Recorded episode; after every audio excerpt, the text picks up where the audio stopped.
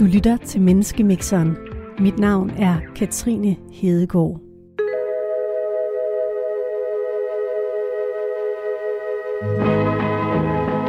En lastbilchauffør, en medicinstuderende og en bedemand kommer ind på en bar. Eller, det vil sige, de kommer ind på en restaurant. Der er det vildt hyggeligt hernede. Skal, der, skal jeg rykke ind, eller hvad? Jeg hedder Hanna Nørre Sørensen. Jeg er bedemand. Når jeg ser mig selv i spejlet, så ser jeg en person, der tror på Gud. Der står tre spillemaskiner i hjørnet, der dufter af Paris og bøf, og mågerne synger over bugten. Der var en, der fik jackpot der. Jeg hedder Amar Ali Musa, og jeg er 27 år gammel. Jeg er lægestuderende, mit hår er skjult under mit tørklæde, og mine øjne er brune, og så har jeg altid chili sauce i køleskabet. Jeg hedder Jens Hoffer Rasmussen. Jeg lever af at køre lastbil, og jeg tror på de gamle nordiske guder. Hvad sker der, når de her tre mennesker mødes for at tale om livets store spørgsmål og hvad der rører sig lige nu? På restaurant Havns Varmestue i Aarhus. Er du okay? Det er Er fint. de rykker tættere på? Ja da. Du lytter til Radio 4 og vores program om tro, eksistens og fordomme, og en episode, vi har valgt at kalde Velkommen til Danmark.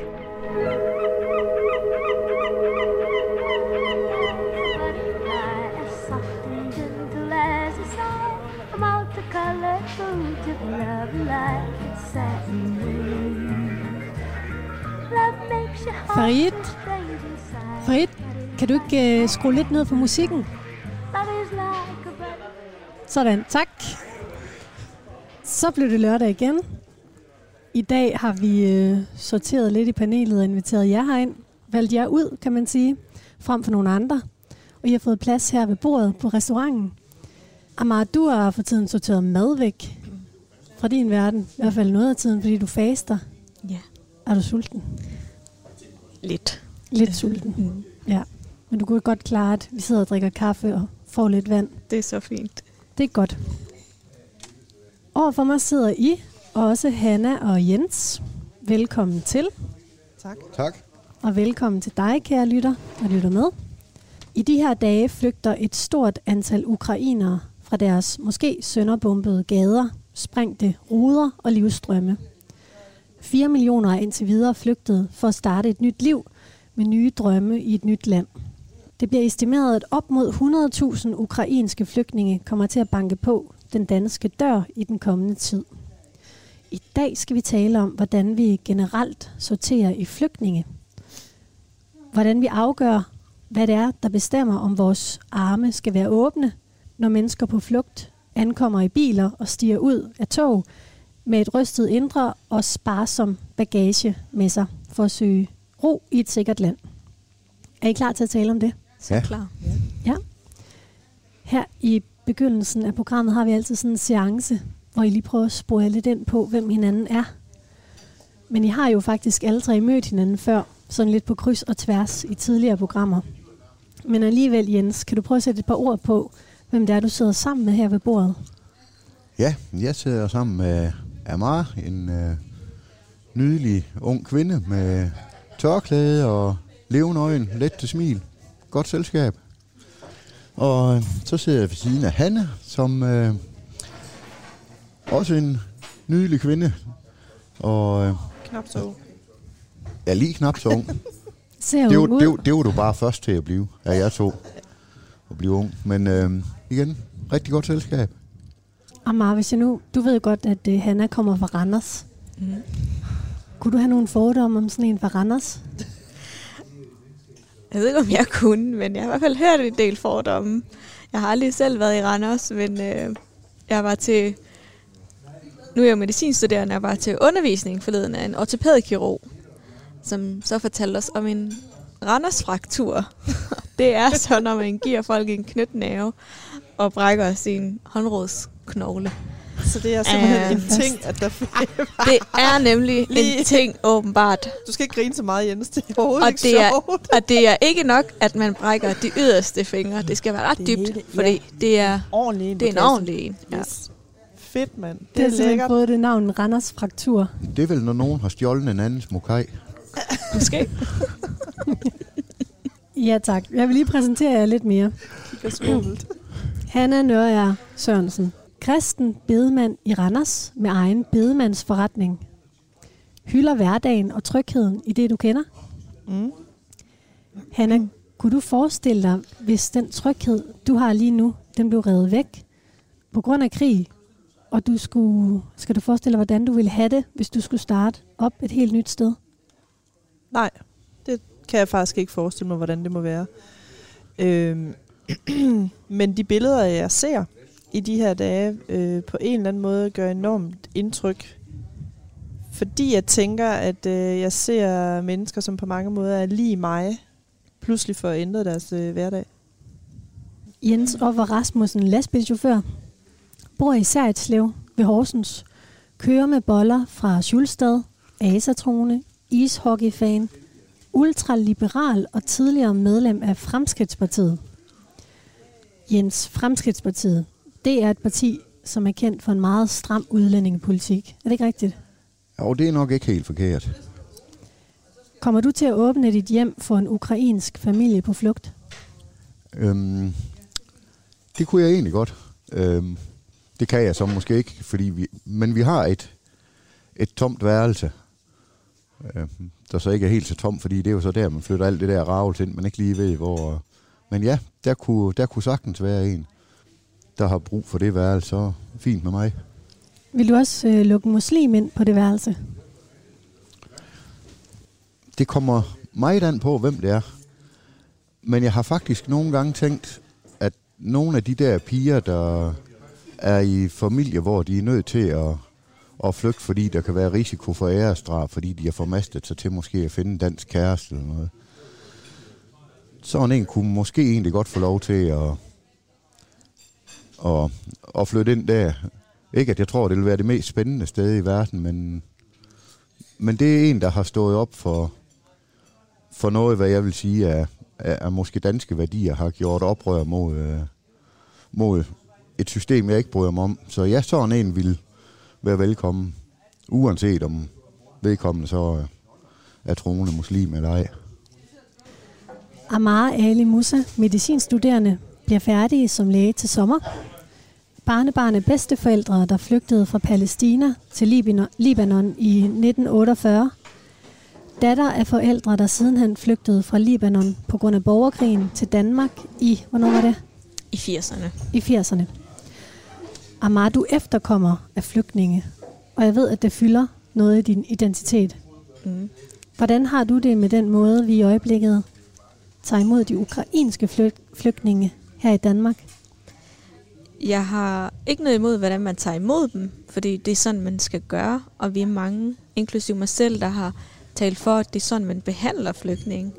Men jeg har været meget vred og følelsesladet omkring, hvordan man så ikke har behandlet andre flygtninge, syriske flygtninge for eksempel. Øh, og det er noget, der fylder meget i mig, og altså, jeg kan jo blive så fysisk frustreret og vred, øh, når jeg læser nyhederne og følger med i, hvordan folk taler om det her. I er forskellige, I tre, der sidder her sammen med mig i dag i varmestuen. Hver uge mixer vi, nemlig tre helt forskellige mennesker. Ikke for at lave en joke, som når der er en dansker, en tysker og en svensker, der kommer ind på en bar, men simpelthen for at tale om tro, eksistens og fordomme fra tre forskellige perspektiver. Inden vi dykker endnu mere ned i den her dagens første snak om, hvordan vi sorterer i flygtninge, så har jeg taget en liste med. Det er den her liste med livets store spørgsmål.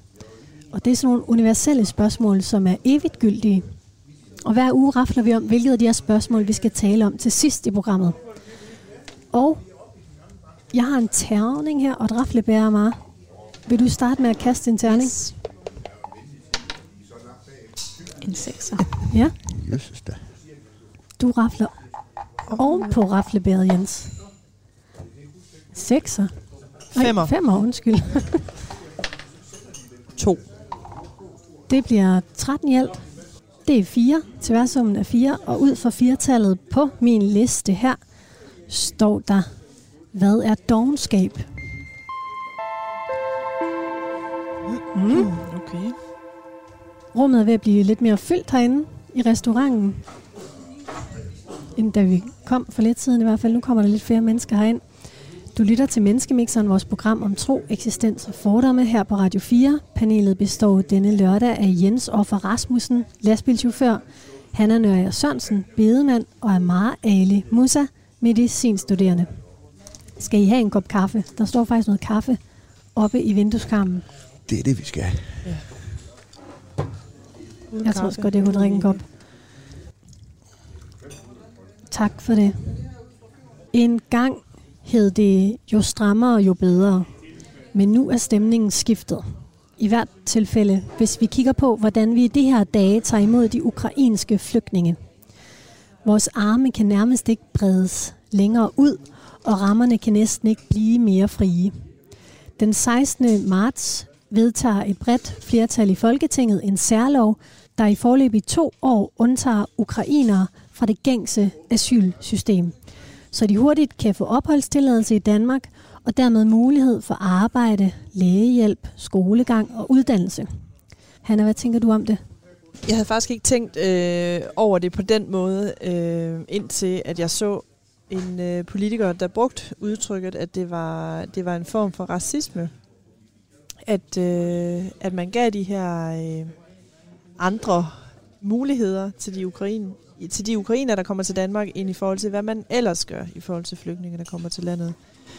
Øhm, og jeg tænkte måske først, det var sådan lige lidt voldsomt øh, at sige det på den måde. Øhm, og så kunne jeg alligevel godt se, at der er selvfølgelig noget om det. Fordi vi, det, der, der er jo en anden stemning, må man jo sige, i forhold til ukrainerne, der kommer, ind i forhold til sådan generelt set snakken om flygtninge. Hvorfor tror du, det er sådan? Jeg tror, det er meget det her med, at det er så, øh, det er så voldsomt, og det er sket ligesom på én gang, altså fra den ene dag til den anden, øh, at, at der er et, øh, et land, som i øvrigt også er, et europæisk land, hvor vi måske på mange måder kulturmæssigt føler, at vi, øh, vi kan spejle os mere øh, i ukrainerne. Øh, men det her med, at, øh, at der, der skete det, at fra den ene dag til den anden, øh, så var der en, der ville ind og overtage der øh, herredømmet i deres land, og der var ingen, der havde set det. Jo, der var måske nogen, der havde set det komme, men man troede ikke, det ville komme så vidt. Og jeg tror, det er en forskel i forhold til tidligere tider, hvor det, er, hvor det måske mere er en løbende øh, over tid strøm af flygtninge, der kommer fra et område. Så der er noget mere øh, abrupt på en eller anden måde i det. Hvad tænker du om det, Hanna siger, Amar? Altså, jeg er enig i, at det er 100% racistisk, og man kan ikke... Når man laver den her forskel. Overbevise mig om andet, og det er der ikke nogen menneskerettigheder, der kan overbevise mig altså, om, at det ikke er racistisk at behandle folk så forskelligt, og det er netop baseret på race, kultur, religion. Øh, og så er der mange, der prøver at bilde os ind, at det handler om nærområder, Øh, det er jo nærområder, så derfor skal vi tage imod dem. Og nogen siger direkte, at det er fordi de er kristne, så kan de bedre integrere sig end muslimerne. Men altså, Syrien er ikke længere væk fra Grækenland, som Ukraine er fra Danmark. Men vi vil stadigvæk ikke tage imod syrerne. Og vi får at vide mange gange fra vores minister, at vi har ikke penge til at tage imod flere flygtninge, eller sejler den danske økonomi. Men nu kan vi pludselig tage imod 100.000 af ukrainere, og vi kan mobilisere al den hjælp, og selv private virksomheder siger, ukrainske flygtningebørn må gerne komme ind i vores legetøjsbutik og vælge et legetøj, men er du syrisk flygtning, så har du ikke fået den mulighed. Og det er jo diskrimination. Du kan ikke... Altså, vi kan ikke engang forestille os, hvad folk fra Syrien har været igennem. De, de blev også bombet af Putin og alle mulige andre. Så de flygter af samme årsager. Folk flygter for at søge beskyttelse, for, på grund af deres børn, på grund af lægehjælp, alt muligt, altså, som de har brug for, som de er desperate efter. Og så er de selvfølgelig kommet på alle mulige usikre metoder frem til Danmark.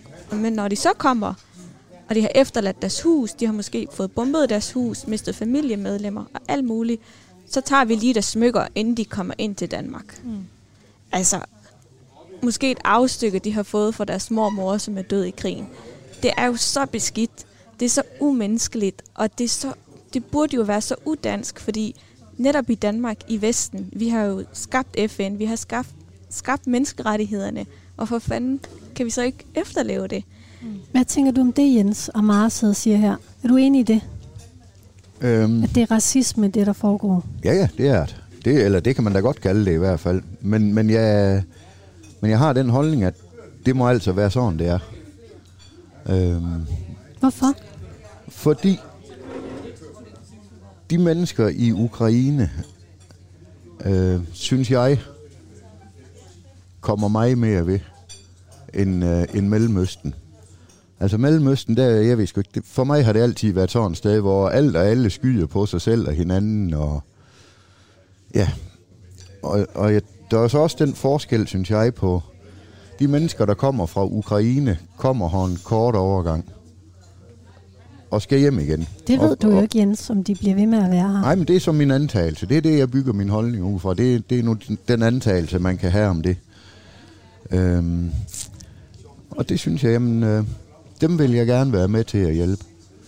Men, øh, men jeg deler verden sådan lidt ind i, i kulturområder, hvor, hvor jeg vil sige, og det er ikke myndet på den enkelte flygtning. Jeg har ikke, jeg kunne ikke drømme om at give mig til at slå Amara, fordi hun nu er muslim eller et andet sted fra. Det, det, det er slet ikke myndet på, på enkelt person. Men det er sådan, i min verden, der, der, der er verden altså delt ind i større grupper af lande.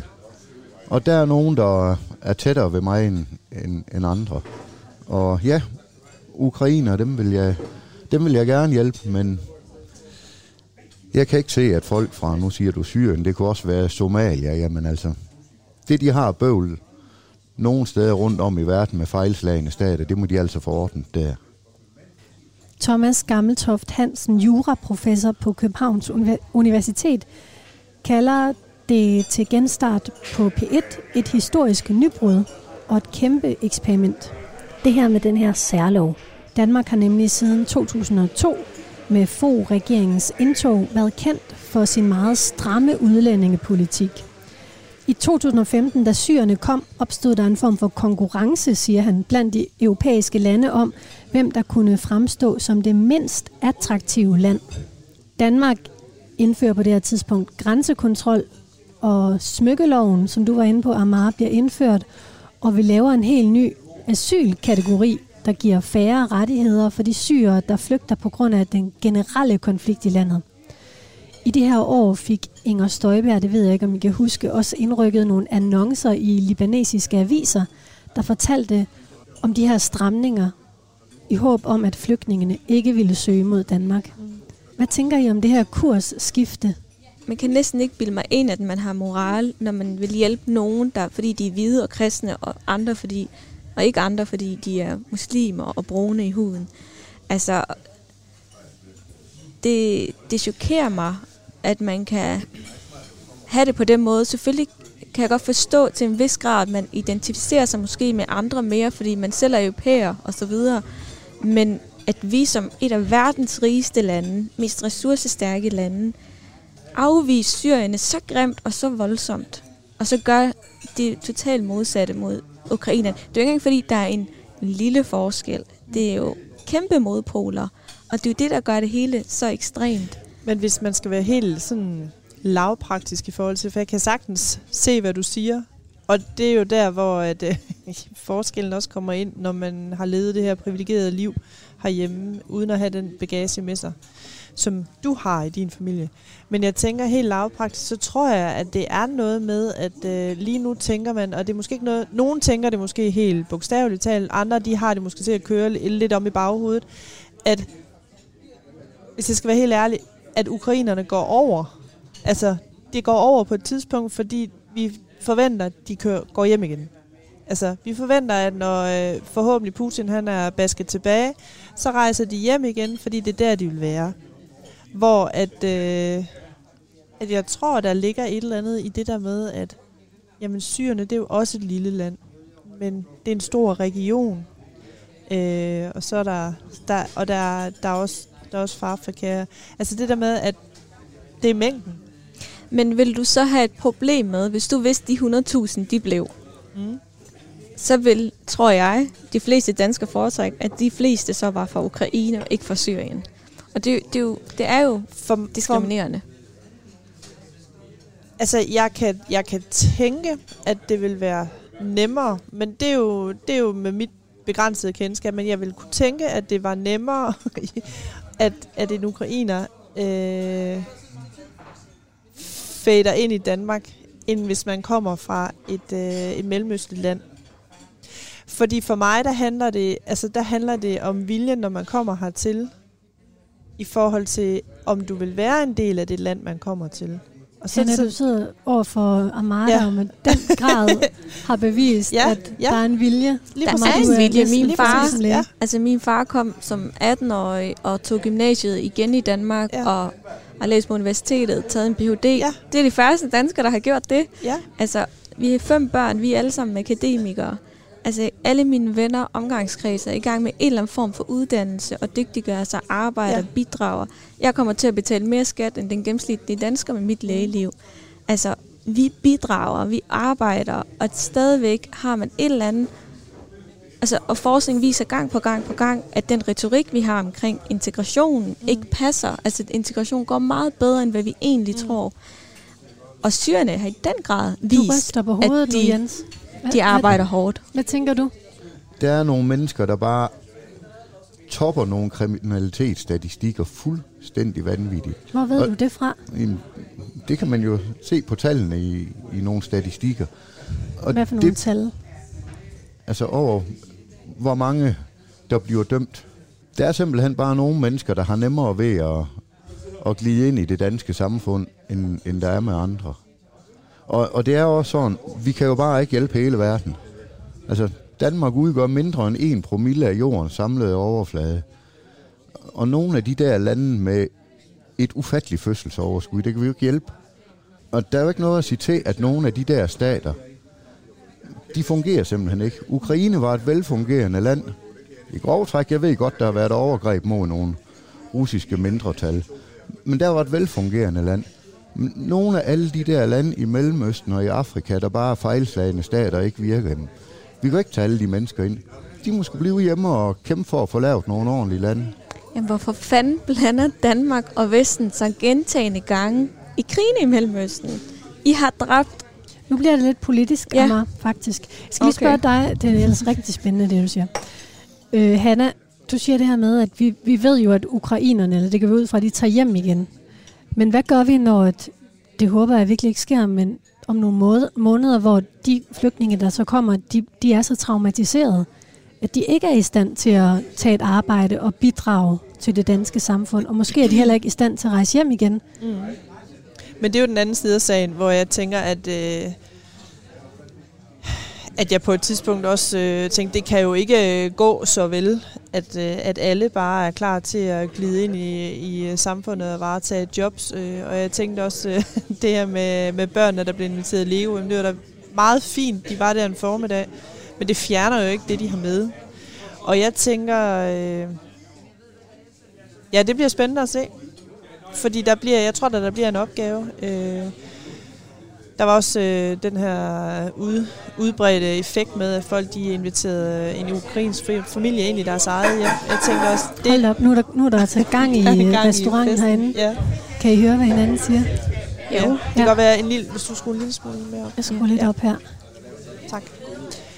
At der fik jeg nemlig også den tanke der, at det er altså ikke alle, der kan det. Tage imod en familie, der kommer med den bagage, som man kommer med. Det, det er jo ikke bare et spørgsmål om at give dem husly nødvendigvis. Det er jo også at vide, øh, hvordan skal man øh, tage mennesker, der har været igennem det, de har været igennem.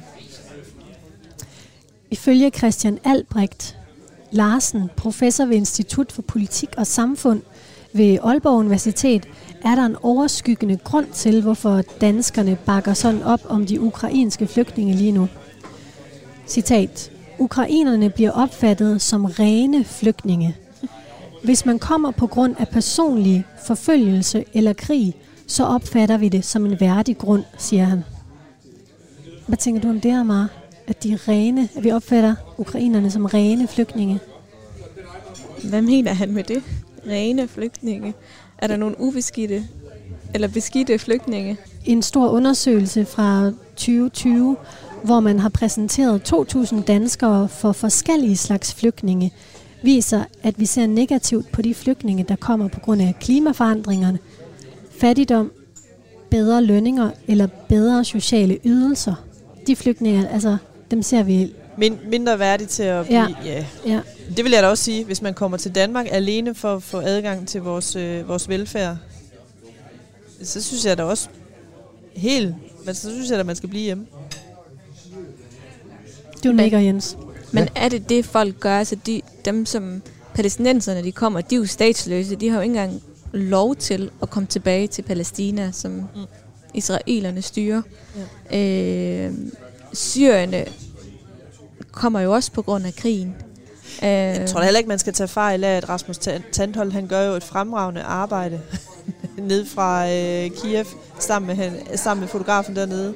Altså det taler jo direkte ind i hjertet på de fleste af os, når man, når man er ude og lave øjenvidende beretninger og interviewer den, øh, den, den ukrainske ældre kvinde, der står på gaden og bryder ud i, øh, i, i grådet, fordi hun ja, er der, hvor hun er. Altså, det, det øh, gør jo også noget ved folkestemningen, tænker jeg, i Danmark. Mm. Det er jo en god historie. Og det er jo også der, medierne har en afgørende rolle. Altså nu har jeg jo fulgt med i krigene i Irak, mm. Afghanistan, Palæstina, Libanon, you name it, øh, hele mit liv. Og der ser vi jo nogle andre medier, danske medier, internationale medier, arabiske medier, hvor vi ser, hvordan byer bliver destrueret, og hvordan folk sulter ihjel, og hvordan børn er bange for dronerne øh, på himlen, og det er ikke, de tør ikke engang kigge op, fordi de ved ikke, hvornår den næste den kommer ned. Det har vi set, men det er som om de danske medier først nu vågner op, og nu vil vi gerne vise de mest grusomheder, der er ved krigen. Mm. Øh, men det, det viser vi ikke nødvendigvis ved mellemøstlige krige. Men det Især tror jeg, krig, når vi også har, har været med i. Altså, det er jo ret voldsomt, men, men ikke det tror jeg, det. er, fordi det er så tæt på, så er vi jo igen inde i den der med, at, det ikke er et argument, det er tæt på, men det tror jeg bare, det er. Ja, men når vi har været en del af krige i andre lande, så burde vi jo også tage ansvar og vise, hvad den realiteten faktisk er. Det. Jens, hvad tænker du om det, Amara siger? Altså en drone er vel lige så farlig over Damaskus, som den er over Kiev? Ja, det er der nok ingen tvivl om. Det, øh, det er vel det, der er meningen med den. Så, så det er den da sikkert. Men jeg tror faktisk, der er noget helt andet i det der øh, Rusland-Ukraine noget. Jeg tror, det er fordi Danmark er et... Vi er jo sådan ikke et voldsomt stort land, medmindre vi regner Grønland med, så er vi jo det største land i Vesteuropa. Men, øh, men så jeg tror, vi har den der med, at Ukraine er lidt underdog. Det er den lille, der sådan er ved at få tæsk af den store. Og det tror jeg altså, vi har en tendens til som danskere, at, at vi kan godt identificere os med den der, der er underdog. Også selvom vi så i Danmark har stort set set væk fra. Selvfølgelig er der begået overgreb fra Ukrains side mod nogle af de der russiske mindretal. Men det er jo et eller andet rest fra et sovjetimperium, der er faldet sammen. Og så er der nogle grænse ting, som man lige skal have fundet ud af. Der, der bor måske lidt for mange af den slags på den ene og den anden side. Og de ting skal så lige falde på plads. Sådan har vi jo også haft det med tyskerne og svenskerne. Ja, men den køber jeg ikke helt, at det, det er fordi danskerne elsker underdogs. Altså, palæstinenserne har været besat af Israel i 73 år, har været kæmpe underdog, og jeg hører ikke nogen sige ja tak til statsløse palæstinenser, som de gør til ukrainer. Da dine forældre flygtede fra borgerkrigen i Libanon til Danmark, hvordan blev de så modtaget i 80'erne? Altså min far kom alene, blev så gift med min mor, der kom efterfølgende. Øh, altså de har ikke fortalt mig det helt vilde omkring det, men det er jo, det er jo det var lidt delte holdninger til dem, selvfølgelig. Der er jo ligesom der er nu, så er der altid nogle danskere, der forstår, at alle flygtninge er ens, uanset hudfarve, uanset din nationalitet. Men blev de øhm. modtaget, ligesom ukrainerne blev modtaget nu? Altså fik de tilbudt job og... Nej, men de, de fik det støtte. Altså, de fik det støtte til at øh, tage en uddannelse, og nogen mere end andre. Altså, de fik også økonomisk til det. det gjorde de. Øh, og det hjalp jo blandt andet min far med at få lov til at tage en uddannelse, hvis han ikke havde fået sin SU. Øh, så på den måde, jo, så fik de støtte. Men de har jo så også, kan man sige, givet igen. Øh, de er jo ikke bare nasser af samfundet. Øh, og så var der nogen, som min far fortæller historier om, som på en professor på universitetet, der, der dumpede semester efter semester samtlige af dem med mørk hudfarve, fordi han var velkendt racist. Og så, så der er jo selvfølgelig sådan nogle historier, øh, hvor de er blevet diskrimineret. Amar, kender du nogle af de flygtninge, som du mener bliver diskrimineret for tiden i Danmark? Jeg kender ikke personligt så mange flygtninge, nej, men jeg kender rigtig mange efterkommere, øh, som mig selv. Og jeg kan da også bekræfte, at vi bliver diskrimineret, øh, selvom vi efterkommer, og selvom efterkommer faktisk statistisk set klarer sig lige så godt som øh, etniske danskere på mange områder. Øh, der kommer flere og flere had, hadforbrydelser mod muslimer i Danmark, øh, og det stiger nærmest årligt. Og det er blandt andet Hvor ved du det fra? kvinder. Øh, det viser statistikken. Ja, at, det har jeg, øh, så, det jeg skal nej. sige, det har jeg ikke mulighed Nej. for at faktatjekke heller. Men øh, der er flere og flere henvendelser til politiet, kvinder, på tør eller kvinder med tørklæde øh, på gaderne for at redde deres tørklæde af. Øh, flere, der bliver råbt af på gaden, og verbal overfald, det har jeg selv oplevet. Øh, så de sidste 5-8 år, så synes jeg også, at Danmark er blevet lidt mindre trygt for en kvindebærende, mus- eller en tørklædebærende muslim. I 2015, da syrerne flygtede fra borgerkrigen, svarede 50 procent af danskerne, at de gerne vil hjælpe. Her i 2022 svarer 68 procent af danskerne, viser en måling, som Opinion har lavet for DR, at de er villige til at hjælpe. Og jeg har været lidt inde på det der med, at det handler om, at vi kan som danskere identificere os bedre med ukrainerne. Det er derfor. Det tror jeg. Ja, Ja, det tror du også, Jens. ja. Og du tror, det handler om racisme. Ja, det gør det jo. Det er Ja. ja. racisme. Ja, ja, det kan du have ret i, men det er jo, altså, du kan jo heller ikke, lige så vel, du kan jo ikke pille ud af mig, at jeg føler mig, altså, at når jeg ser en, som ligner mig mere, at så føler jeg et instinktivt, øh, jeg ved ikke, men at man, man på en eller anden måde, det er nemmere.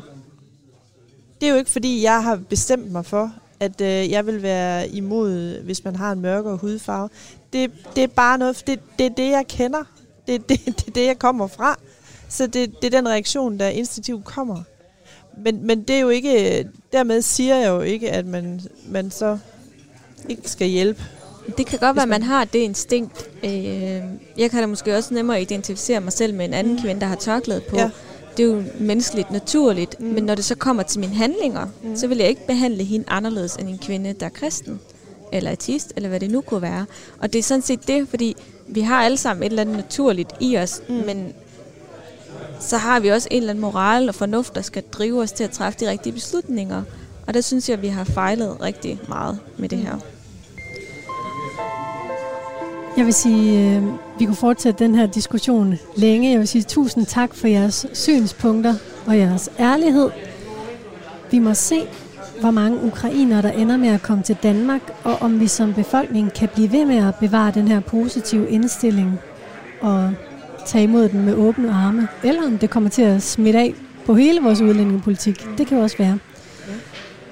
Det her bliver afrundingen for den første snak om, hvordan vi i øjeblikket, på grund af den særlov, der er lavet for ukrainere, sorterer i flygtninge, og den måde, vi byder dem velkommen på i vores land. Love is like a butterfly, as soft and gentle as a sigh. The multicolored foods of love like its satin wings. Love makes your heart feel strange inside. It flutters like soft wings in flight. Love is like a butterfly, a rare and gentle thing. Fly butterfly, a rare and gentle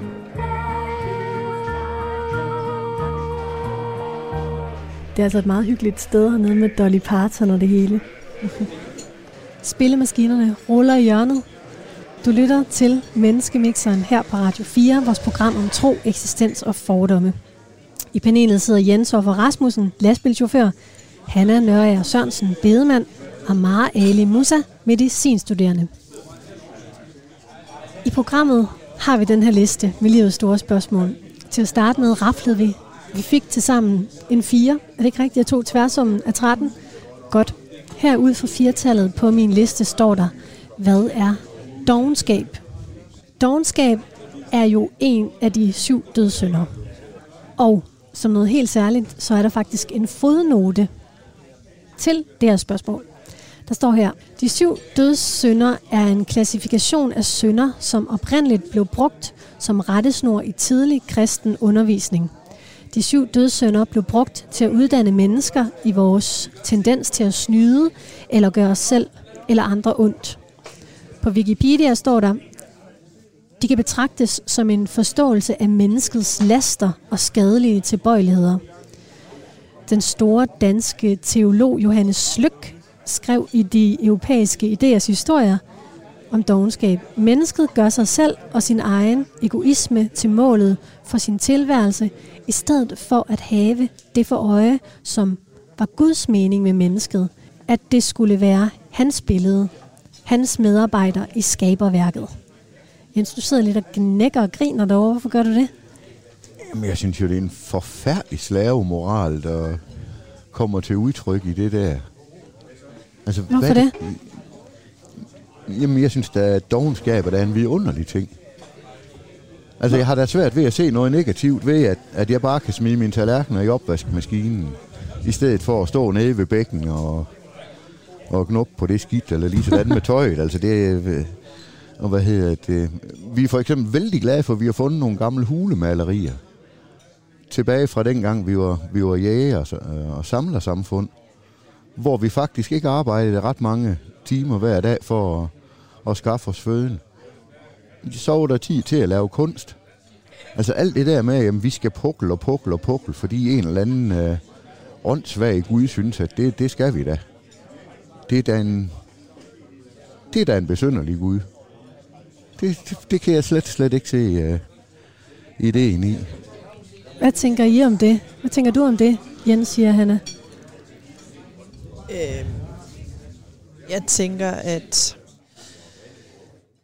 det mere er noget med, at man er... Jeg betragter det på den måde, man er givet et, øh, et helt frisk liv, og man har nogle muligheder for at gøre en forskel. Og det er ikke fordi, det skal være højt ravne, men man har en mulighed for at bruge sit liv til noget. Så hvis man øh, syner hen i ikke at lave en skid, så synes jeg måske, det er lidt spildt. Men det tænker jeg også, at de færreste, der ikke gør det.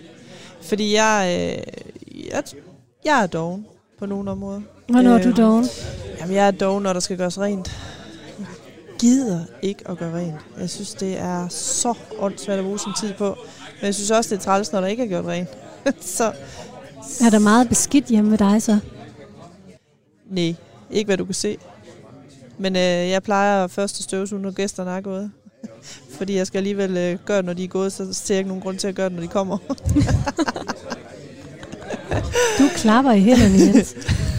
ja, det er ja. jo en vidunderlig holdning. Den ligger fuldstændig op af, af min, så det... Øh, Men jeg kan da godt tænke det der med, at nu har jeg jo... Øh, jeg har jo for eksempel ikke børn. Øh, og når man øh, har børn, så er det jo tit det der, så har man så travlt med alle mulige ting. Så jeg har jo øh, jeg har jo store dele af mit liv, hvor at jeg egentlig bare selv sådan kan finde ud af, hvad jeg vil bruge min, min tid på. Øh, og det er jo rigtig dejligt, men jeg tænker da også nogle gange, at det er sådan lige vel privilegeret på en eller anden måde, at, at, at der ikke er flere pligt-ting, end der er. Så kan du blive doven. Ja, det er da også, jeg kan have en hel søndag på sofaen, hvor jeg ser Netflix, det er da mega dovent. Det elsker jeg. Ja, fedt. skal være dig på banen også, ja. meget. Hvad, øh, hvad tænker du det her, Jens siger, at det er fantastisk med dogenskab? Synes du også det? Nej, kort sagt. Altså, jeg er jo sådan et menneske, der gerne vil få mest ud af min tid her på jorden, og gerne vil gøre så meget, som jeg nu kan. Øhm, men jeg er jo også dog nogle gange. Og det... Hvornår ja. er du doven? Og jeg, jamen, jeg er doven, når jeg ikke tager i fitness. Det er jeg virkelig dårlig til. Øh, jeg er også doven, når det kommer til rengøring en gang imellem. Øh, jeg er også nogle gange doven i forhold til, at jeg skal læse det her kapitel, men får det ikke gjort, og så ser jeg lidt for mange afsnit på Netflix og spiser chips. Og, øh, så, men jeg ser det også som en, altså, en måde at slappe af på. Øh, når jeg så ved, at jeg så er produktiv ellers, så, så tillader jeg det. Men hvis jeg har en lang sommerferie, absolut ikke laver noget, hvor det er 100% dogenskab, så kan jeg ikke være i mig selv efter en uge, fordi så er det, ja. så er det bare så kedeligt. Mm. Øh, og så indser man, at det er faktisk ikke sjovt at være doven. Eller det er ikke sjovt for mig i hvert fald. Det kan ikke være doven i alt for lang tid. Kan du det, Jens? Er det altid? Kan du godt være doven hele dit liv, nej, hvis det var det? Jamen, nej, det tror jeg ikke. Altså, fordi jeg holder jo faktisk... Øh, det er jo nødt til at indrømme. Og så få åben mikrofonen, da jeg holder ufattelig meget af mit arbejde. Jeg holder rigtig meget af at være på arbejde. Som lastbilchauffør? Ja, det synes jeg sådan set, det er, det er vældig, vældig dejligt. Men, men, men jeg synes jo egentlig, at dogenskab er en prisværdig egenskab derhen, at hvis man kan få alle de der trælse rutineopgaver, rengøring, tøjvask og alt det der skød, der bare skal være i orden, men der er jo ikke nogen, der giver. Altså hvis man kan få, få det lagt til side.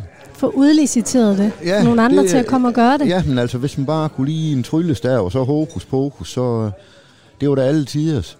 Så, så hvad så noget angår, der kan jeg være helt ubegribeligt oven. Øhm, fordi jeg vil hellere bruge min tid på nogle ting, jeg synes er morsomt. Altså. Hvis jeg skal vælge mellem støvsugeren eller tage afsted og se ishockey, så er det helt sikkert, så bliver støvsugeren stående der. Men nu taler jeg om støvsugning og sådan noget. Der er vel også andre former for dogenskab. Altså, hvilken form for dogenskab er ikke i orden, hvis man kan sige det? Jamen, det er jo ikke altså, i orden, hvis man ikke... Øh, vi har jo alle sammen hørt de historier med, at der er nogen, der ikke gider at arbejde, og så får de bare kontanthjælp mm. og nasser på ja. samfundet det er jo ikke i orden. Altså, det er jo også andre, der arbejder hårdt, for at de kan ligge hjemme på sofaen. De er heldigvis få, men... Ved det, du, de gør det, Amara? Ligger hjemme på sofaen? Jamen, det er der nogen, der... Sådan en historie, der kommer frem i medierne en gang imellem. Øh, Ja, altså jeg tænker, jeg har, da, jeg har da noteret mig, at jeg kan sidde og lytte nogen, der for eksempel skifter, så skal de gå fra studie til arbejde, eller de øh, er ved at være færdige med en barsel, og så skal de i gang med et arbejde. Hvis det falder på nogle tidspunkter, hvor det kunne være rart nok lige at have en ekstra måneds øh, fritid, så har vi også et system, hvor du kan gå ned og melde dig øh, ledig og få lidt penge i den periode, og så øh, i stedet for at gå ud og forsøge det arbejde.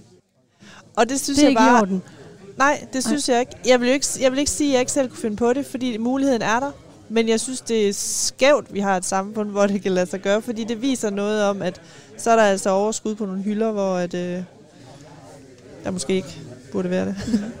Jamen, det er jo heller ikke, altså, dogenskab er heller ikke i orden. Du kan godt komme i tanke om nogle dogne personer, som måske også kunne være tilbøjelige til at aflyse aftaler, eller måske ikke lige møde op på arbejde til tiden, og det er jo slet ikke i orden. Nej. Det, det vil jeg slet ikke kunne håndtere. Hvordan har du det med dogne mennesker, Mar? Lyst til at give mig skub. ja. Øh, men hvorfor Ej, skal de ja, det, det, ligesom det er så opfylde din egne... det er jo dine øh, mål, du så projicerer ud over i dem. Ja, det er det nok. Men, Eller hvad? Øh, ja, jeg synes, det er drænende at kigge på, hvis det bare er en, der... Altså, jeg kan sagtens slappe af og se Netflix i tre dage. Men det er fordi, jeg ved, at jeg så har læst hardcore i, jeg ved ikke, hvor mange uger, og altså, det er slet ikke det. Jeg kan sagtens være doven, men, men det der med, at det bliver en livsstil. Hvad er det, der irriterer dig ved det? Det er så passivt.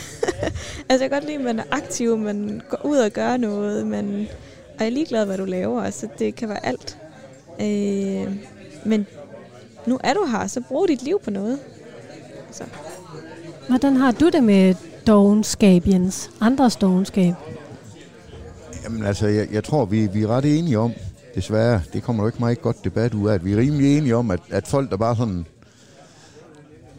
øh, melder sig ud af samfundet, og absolut ikke gider arbejde, og synes, det bare er nemmere, og det er der nu nok ikke så mange af dem, det er nemmere bare at, at modtage penge fra det offentlige. Det er jo ikke i orden. Selvfølgelig er det ikke i orden. Men, men, jeg, men jeg synes stadigvæk, dogenskab, det er pragtfuldt derhen, at hvis man nu har fået overstået det, man skal så bare lægge sig på en græsmark og bare kigge op i skyerne og lave ikke en ski. Det tror jeg altså, man har det, eller det har jeg det i hvert fald godt med en gang imellem. Det tror jeg, Sidde nede ved vandet og mm. bare kigge ud over det og bare lade, lade tiden gå. Det, øh, ja, det kan godt være, det er vildt doven, men det for mig er det også en form for terapi. Men jeg tænker, der tænker jeg faktisk ikke dogenskab. Der tænker jeg egentlig mere det der med, at man, øh, altså man øh, for det første kan være i sit eget selskab, og det der med at være i, øh, i nuet, eller hedder det vel så fint. Øh. Men det der med, at der skal ikke så meget til. Altså man skal ikke underholdes hele tiden.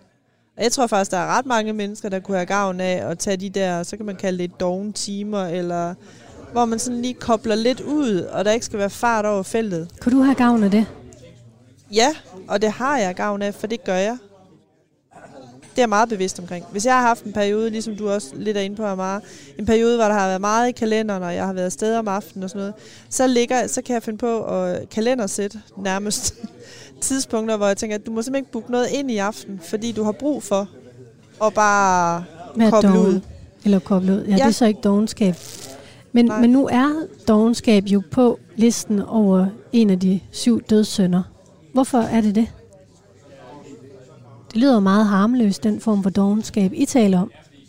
Altså, nu kan jeg komme med et, rigtig dårligt eksempel igen. Men dengang jeg var boede hjemme, og øh, jeg lå inde på sofaen og så fjernsyn, så lå øh, der måske et øh, par sokker inde under sofabordet, og min mor, hun... Øh, jeg vidste jo godt, min mor, hun øh, mente, at jeg skulle rydde dem op, for det var mine. Men jeg fik også tanken, hvis jeg lader være med at tage dem, så gør hun jo.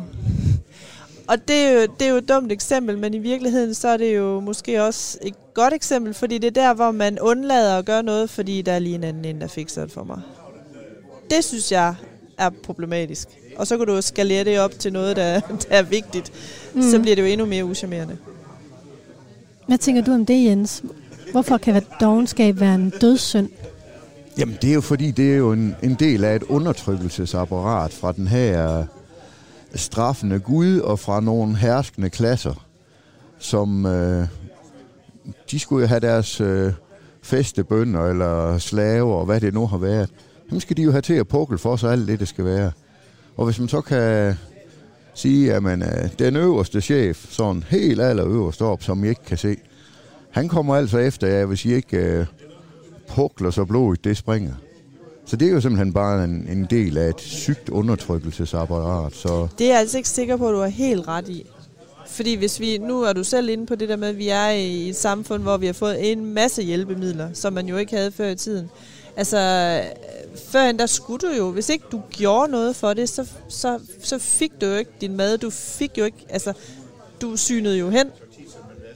Så du skulle jo arbejde for føden. Du skulle alt det der for, altså...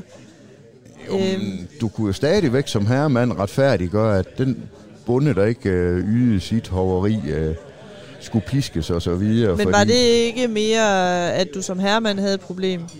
Og så er vi jo helt enige om, at der er nogen, der, altså der er jo ofte nogen, der bruger øh, religion som løftestang. Det gør det jo ikke, øh, altså...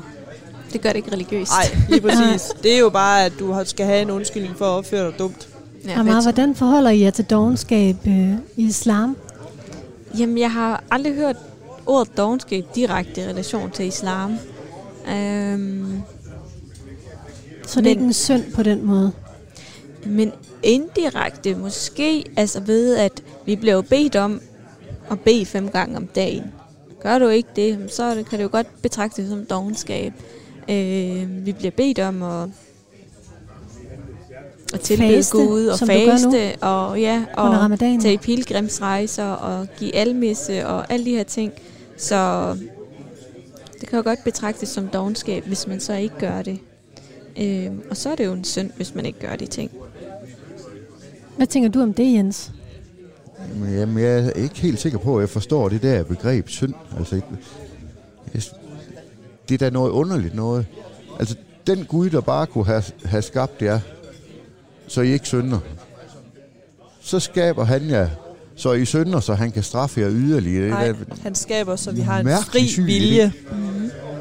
Ja, fordi altså, Gud har skabt mennesket, men efterladt mennesket til sig selv. Mm. Og du er selv herre over, hvad du gør. Mm. Gud har ikke bestemt, at Amara hun bliver læge. Det er noget, jeg har kæmpet for. Jeg kunne også have valgt at ikke blive læge. Altså, men der er jo selvfølgelig noget i den, den skæbne, du bliver født i. Jeg vælger jo ikke mine forældre. Jeg har ikke valgt, at jeg har palæstinensisk baggrund. Det er jeg bare født i. Øh, så, men du har jo frit valg som menneske. Og det er jo nogle gange uhyggeligt at tænke over, hvor onde mennesker kan blive, når vi lever i den verden, vi lever i. Jens, du ryster lidt på hovedet. Øh, jeg ved ikke, om det er et godt sted at slutte. men, men vi er faktisk det er kommet, gang. kommet igennem øh, dagens program. Hvordan har det været for jer at være med i dag? Men det har været øh, mere ubehageligt at være med i dag, fordi at øh, vi har diskuteret et emne, som, øh, som har så stor øh, betydning for, øh, for en af os. Hvem er det? Det er meget. Og hvorfor som, har det været ubehageligt? Fordi at... Øh, ikke, jo, lidt mere sat på spidsen jo, fordi man igen bliver konfronteret med de øh, holdninger, man har, og hun sidder og har en helt anden baggrund. Mm. Har det været ubehageligt for dig, Amara, at tale om det her? Jeg synes, det er svært at tale om, og det er jo nok også første gang, jeg bliver så hård i min tone. Øh, men det er også fordi, det er noget, jeg, der rammer mig personligt. Øh, og det er altid en svær snak. Jens, er du blevet rykket i din holdning i dag? Eller går du ud som præcis den samme? Har du fået nogle nye tanker? Overhovedet ikke. Nej. Det, øh, altså, jeg har, jeg har jo haft mange år til at kigge på verden i, og jeg er nok lidt svær at flytte. Hvad har været det mest overraskende for jer i dag? Altså, hvor har I været mest forskellige? Jeg synes, at det er overraskende, at man kan acceptere, at det er racisme, og så bare leve med det. Det vil jeg aldrig kunne. Hvad tænker I om det, Hanna og Jens? Jeg tænker ikke, at det er det, jeg har hørt, der blev sagt. Så det kunne du godt blive lidt provokeret af, eller hvad? Nej, det er det, Jens har sagt, at det jo det er racisme, men at det er okay at fortsætte den politik eller holdning. Eller men det laver du ikke om på, Jens? Nej, det gør jeg ikke. Nej. Det, øh, hvis, hvis nogen mener, det er racisme, det kan være, det er det, det kan være, det ikke er det. Hvis nogen mener, det er racisme, så er det sådan, det er. Det, jeg står ved, hvad jeg mener. Men jeg er også glad for altså, ærligheden, der er kommet fra alle. Øh, I stedet for at pakke det ind og ikke turde sige noget foran mig, netop fordi jeg har tørklæde på. Øh, men vi bare kan have en åben snak om det. Det tror jeg er befriende for alle. Mm. Er I enige i det? Ja, det er jeg, fordi jeg tror på, og det er ikke fordi jeg nødvendigvis tænker, at vi skal flyttes det samme sted hen. Men jeg tror faktisk, at det er noget af det, der skal til for, at man, øh, hvis man skal flyttes, så er det der, man bliver flyttet. Jeg vil sige tusind tak, fordi I vil være med. Det har været utrolig spændende at sætte jer tre sammen fra tre forskellige trosretninger. En muslim, en asatrone og en kristen ved bordet i dag. Jens Ove Rasmussen, lastbilchauffør, Hanna Nørre Sørensen, bedemand og Mara Ali Musa. Tusind tak. Selv tak. Selv tak. Programmet Menneskemixeren er slut for nu. Tiden er flået afsted. Jeg er tilbage igen næste lørdag med et nyt panel mixet sammen her i varmestuen. Nu er det efterhånden også blevet lidt varmt herinde. Ja. Der var meget koldt til at starte med. Nu har rykket folk ind. Alle dem, der er kommet. Musikken, du hører herunder Min Stemme, er komponeret af Steffen Nordenstam. I redaktionen sidder researcher Gitte Smedemark og redaktør Gry Brun Mathisen. Find programmet her og alle de andre Menneskemixer-programmer på Radio 4's spritnye app, der ligger tilgængelig derude. Mit navn er Katrine Hedegaard. Tak fordi du lyttede med.